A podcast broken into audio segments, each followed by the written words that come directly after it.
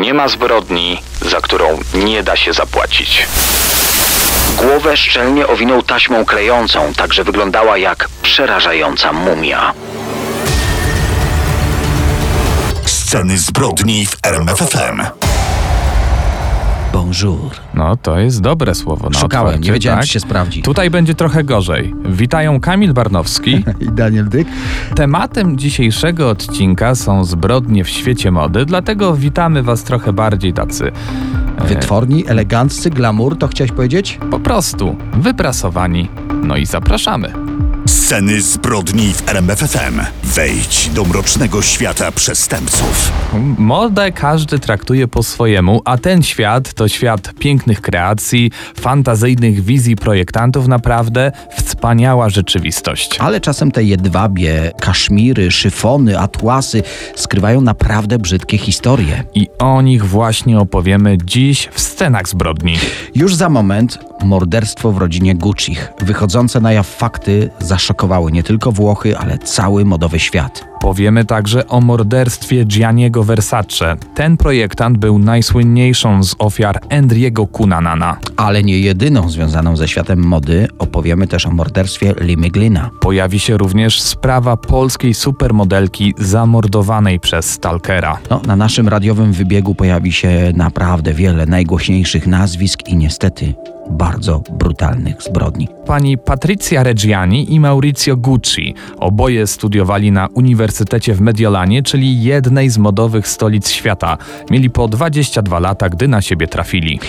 Jej biografowie w książkach podkreślają, że dla pieniędzy była gotowa zrobić wiele, a z drugiej strony niewiele musiała robić. Mama Patrycji, co prawda, była nie najlepiej zarabiającą kelnerką, ale jej kolejny mąż dorobił się sporego majątku i rozpieszczał przede wszystkim swoją pasierbicę. No, miała wszystko, co chciała. Poza wysoką pozycją towarzyską, o której podobno marzyła. No i to miał jej zapewnić Maurizio. Maurizio Gucci był synem wielkiego potentata w świecie mody. Gucci senior uchodził za despotę i to nie tylko dla swoich partnerów biznesowych czy podwładnych, ostro traktował także syna. Mauricio więc wyrósł na osobę zakompleksioną, nieśmiałą, totalne przeciwieństwo przebojowej Patrycji.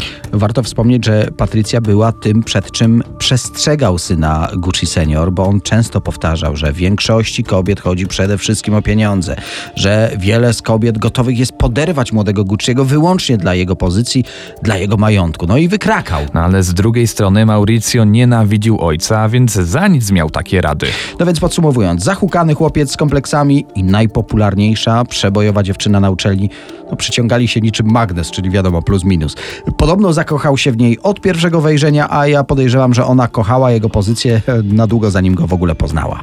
Był wielki ślub w 1973 roku, a po ślubie wielki dramat, bo senior rodu nie mógł znieść, że syn ożenił się wbrew jego woli. Wyrzucił więc Mauricio z domu i go wydziedziczył. Wyobraźcie sobie, co czuła Patrycja.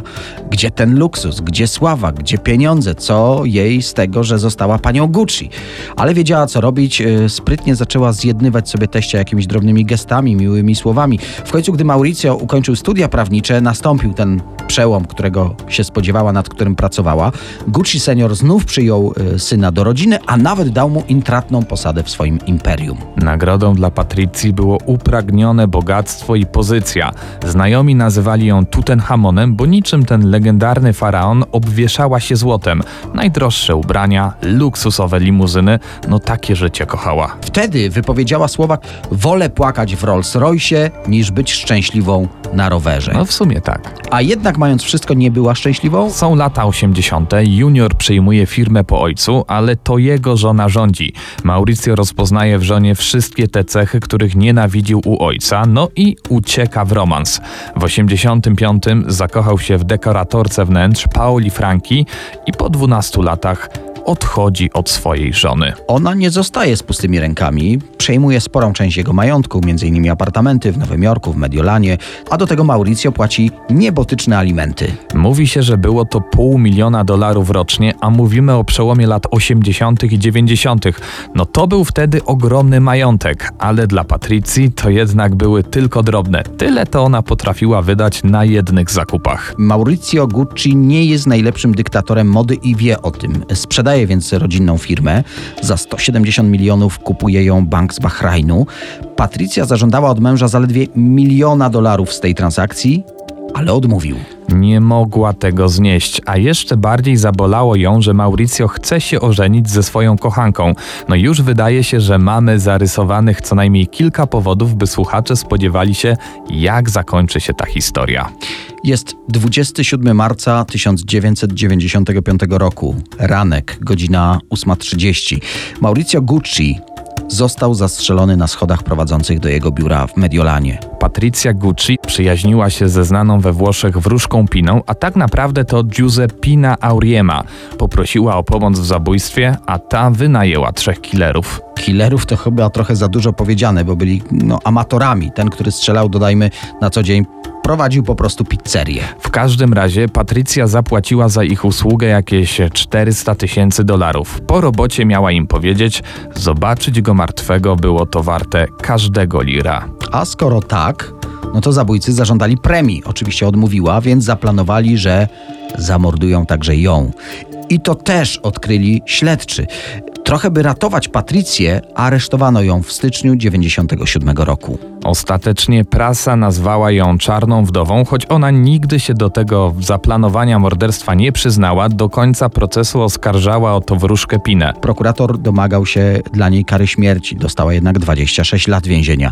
Na śmierć za to skazano tego restauratora z pizzerią, który pociągnął za spust. Wróżka Pina trafiła za kraty na 25 lat.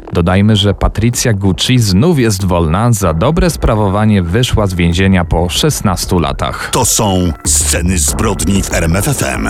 Śledź z nami kulisy największych przestępstw. Dzisiaj o zbrodniach w świecie mody mówimy, y, więc pojawi się najgłośniejsza niewątpliwie zbrodnia w świecie mody, czyli zabójstwo Gianniego Versace. Znanego projektanta mody zamordował Andrew Cunanan. No ale Versace nie był jego jedyną ofiarą. Cunanan zamordował także m.in.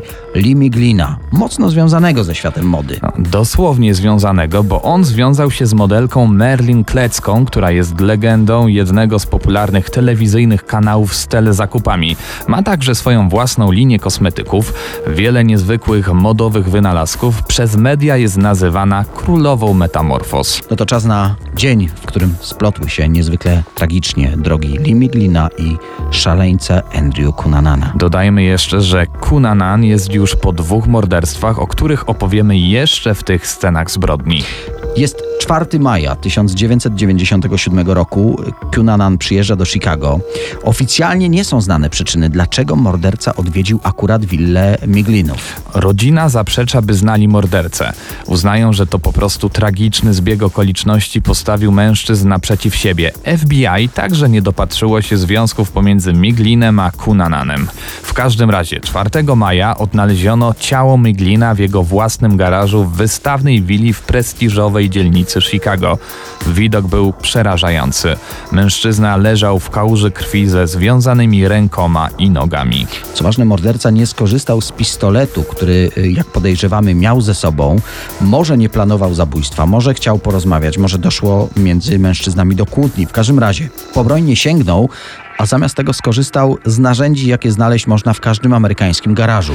Tak, związał ofiarę, torturował, bił tak mocno, że połamał żebra. Głowę swojej ofiary szczelnie owinął taśmą klejącą, tak że wyglądała jak przerażająca mumia. Zostawił jedynie niewielki otwór w okolicach nosa. Następnie ponad 20 razy dźgnął swoją ofiarę śrubokrętem. W końcu sięgnął po piłę ogrodniczą i nią poderżnął gardło Miglinowi. Skradł trochę cennych przedmiotów z domu, zabrał też samochód ofiary i ruszył nim w dalszą część swojej krwawej podróży przez Amerykę. Cunanan urodził się 31 sierpnia 69 roku. Był najmłodszy z czworga rodzeństwa, ojciec Amerykanin filipińskiego pochodzenia, służył w marynarce podczas wojny w Wietnamie, później został maklerem, jego mama znów pochodziła z Włoch. Rodzina Cunanan mieszkała w mieście National City w stanie Kalifornia, e, uczęszczał do bardzo dobrej prywatnej szkoły, uważany był za małego geniusza. Wyobraźcie sobie, nie wiem czy to jest tylko taka miejska legenda, ale podobno jako 10 dziesięciolatek nauczył się całej encyklopedii na pamięć. Chłopak uwielbiał opowiadać zmyślone historie o swoim życiu na temat swojej rodziny. Do szkoły chodził z dziećmi z bogatych rodzin, dlatego aby dopasować się do nich, wymyślał na przykład, że jego ojciec jest izraelskim milionerem. Cunanan często zmieniał swój styl, zarówno pod względem ubioru, jak i fryzury. E, No tym się wyróżniał, a według specjalistów były to pierwsze objawy antyspołecznego zaburzenia osobowości. W skrócie był uważany za dziwaka, ale zupełnie mu to nie przeszkadzało. Przed ukończeniem 19 roku życia wyszło na jaw, że odwiedza kluby gejowskie. Był to prawdziwy szok dla jego bardzo religijnej matki. Ostatecznie przeprowadził się do San Francisco, tam znów był rozpoznawalnym uczestnikiem takiego samego nocnego życia w dzielnicy Castro. Często widywano Cunanana z bogatymi mężczyznami, zdecydowanie starszymi od niego. Oprócz tego miał nagrywać filmy z brutalną pornografią. E, Zamieszany był podobno również w handel narkotykami, zresztą sam się od e, metamfetaminy uzależnił, ale najwięcej pieniędzy otrzymywał od swoich, powiedzmy, starszych przyjaciół. Chłopak miał być utrzymankiem Normana Blatchforda. Starszy, bogaty mężczyzna przesyłał comiesięczne kieszonkowe w wysokości 2000 dolarów. Do tego dochodziły jeszcze luksusowe wypady, no życie o jakim marzył. W pewnym momencie Blatchford znudził się Cunananem i źródełko finansowania nagle wyschło. Już wspominaliśmy, że słynął z romansów, do tego doszło później uzależnienie od narkotyków, od środków przeciwbólowych. Generalnie Andrew mm, stracił kontrolę nad swoim dość niebezpiecznym życiem. Według profilera kryminalnego akceptacja w wyższych sferach przez bogatych ludzi było tym, czego potrzebował. W momencie, gdy to stracił, odebrał życie pierwszej ofierze. Płatni zabójcy, seryjni mordercy i sceny zbrodni w RMFFM. Wracamy więc czym prędzej do historii Andrew Cunanana, wybitnie, przypomnę, inteligentny facet, który został chłopakiem do towarzystwa, a ostatecznie seryjnym mordercą. W kwietniu 1997 roku poinformował swoich znajomych, że jedzie do przyjaciela Jeffreya Traila, bo musi załatwić jeden interes. Finał tego spotkania był dramatyczny dla tej drugiej strony. Został pobity na śmierć młotkiem, a jego ciało znaleziono 27 kwietnia 1997 roku w szafie. Nie jest jasne, co łączyło dwóch mężczyzn, czy była to tylko zwykła przyjaźń, czy może jakiś zbieg okoliczności. Jednak żadnych już wątpliwości nie ma wobec tego, do kogo należał dom, w którym zamordowano Traila. Była to posiadłość architekta Davida Matsona, byłego kochanka mordercy. Dodajmy, że według znajomych Metsona Andrew Cunanan był w nim szaleńczo zakochany. Chłopak wiele razy powtarzał publicznie, że zrobi dla Metsona wszystko, że jest jego miłością życia. Jednak po rozstaniu Matson nie chciał mieć z nim nic wspólnego. I tak finalnie 3 maja 1997 roku ciało Davida Matsona znaleziono na brzegu jeziora Rush Lake. Miał wiele ran postrzałowych na plecach i głowie. Cunanan strzelał z pistoletu Taurus PT-100. Dzień później Andrew Cunanan dotarł do Chicago, tam zabił Lee Miglina, o czym mówiliśmy już w tym programie. 9 maja w stanie New Jersey zastrzelił pracownika cmentarza i to właściwie nie budzi wątpliwości, była jedyna na tej jego liście zupełnie przypadkowa ofiara, po prostu potrzebował ukraść jego czerwonego pick-upa. I tutaj w końcu przechodzimy do morderstwa Gianniego Versace. Hotel Cunanana znajdował się kilka kilometrów od posiadłości dyktatora mody. Rankiem 15 lipca 1997 roku zastrzelił 50-letniego Gianniego Versace na schodach prowadzących do jego rezydencji. Versace wracał właśnie ze sklepu, gdzie odebrał kawę i gazety. Został trafiony w lewy policzek i w tył głowy. Jednak udało mu się uciec z miejsca zbrodni. Śledczy znaleźli później jego samochód, w którym znaleziono dokumenty mordercy i jego ubrania. Cunanan był poszukiwany z ziemi i powietrza przez całą policję na Florydzie. Życie Andrew Cunanana zakończyło się e, niedługo później, 23 lipca 1997 roku na luksusowej łodzi w Miami Beach. Strzelił sobie w głowę tym samym pistoletem, którym mordował swoje ofiary. Do dzisiaj tak naprawdę nie są znane motywy, jakimi się kierował. Nie zostawił żadnego listu pożegnalnego. Hipotez w tej sprawie jest cała masa. Może to żądza sławy, która towarzyszyła chłopakowi od zawsze, doprowadziła do tej tragedii. Kto wie, może temat prawdziwych motywacji jest niewygodny dla zbyt wielu osób. Dzisiejsze sceny zbrodni poświęcone są tej ciemnej stronie świata mody, czas więc na tragedię, która wydarzyła się w Polsce. Agnieszka Kotlarska-Świątek, Miss Polski z 91 roku, została zamordowana przez niezrównoważonego psychicznie fana. Oprócz tytułu najpiękniejszej Polki zwyciężyła również w konkursie Miss International i to, dodajmy, jako pierwsza kobieta z kraju nad Wisłą. Robiła gigantyczną karierę w kraju i za granicą. Kontrakty w USA, Francji, okładki międzynarodowych czasopism. Zdecydowanie osiągnęła sukces w swojej branży. W życiu prywatnym również wszystko się układało. Kochający mąż, córeczka, która przyszła na świat. Ostatecznie wróciła do Polski, bo najważniejsza dla niej była rodzina. Można powiedzieć, że zyskała drugie życie w lipcu 96 roku, kiedy to uniknęła śmierci, po prostu nie wsiadając do samolotu. On rozbił się w okolicach Long Island. Nikt tej katastrofy nie przeżył. Agnieszka, piękna, zielonooka kobieta, miała gigantyczną grupę adoratorów, jak się domyślacie. Niestety jeden z nich doprowadził do ogromnej tragedii. Miesiąc po katastrofie lotniczej samolotu Transworld Airlines, to był lot numer 800, Agnieszka spotkała swojego fana i, no można powiedzieć, znajomego sprzed lat Jerzego L. Jest 27 sierpnia 1996 roku. To miało być piękne letnie popołudnie. Polska Miss miała wolny dzień, chciała go spędzić ze swoim mężem i dwójpółletnią córeczką. Cała rodzina wsiadła do samochodu, właściwie już mieli ruszać, kiedy do okna samochodu zaczął pukać jakiś mężczyzna. Jarosław, mąż kobiety, wyszedł z samochodu, żeby obcego przepędzić. Napastnik wyjął wtedy nóż i dźgnął go w udo. Jarosław mocno krwawił, dlatego Agnieszka wyszła z samochodu, żeby ratować męża. Wtedy psychofan modelki rzucił się na kobietę i zadał jej cztery ciosy nożem. Jak później się okazało, wszystkie były śmiertelne. Tragedia trwała niespełna 60 sekund. Mimo szybkiej pomocy medycznej Agnieszka Kotlarska zmarła w drodze do szpitala. Morderca sam zgłosił się na policję. Śledczy ustalili, że Jerzy L. obserwował od jakiegoś czasu mieszkanie modelki. Od lat twierdził, że Agnieszka jest miłością jego życia. No wysyłał jej listy, śledził ją, dzwonił. Zresztą chodzili do tego samego liceum. W czasach szkolnych zabiegał podobno o jej względy, ale nieskutecznie. W jednym z listów nawet się jej oświadczył. Po jej powrocie do Polski znów za wszelką cenę próbował nawiązać kontakt z kobietą i to właśnie finalnie doprowadziło do dramatu. Dodajmy, że Jerzy L. został skazany na 14 lat pozbawienia wolności. Sceny zbrodni w RMFFM.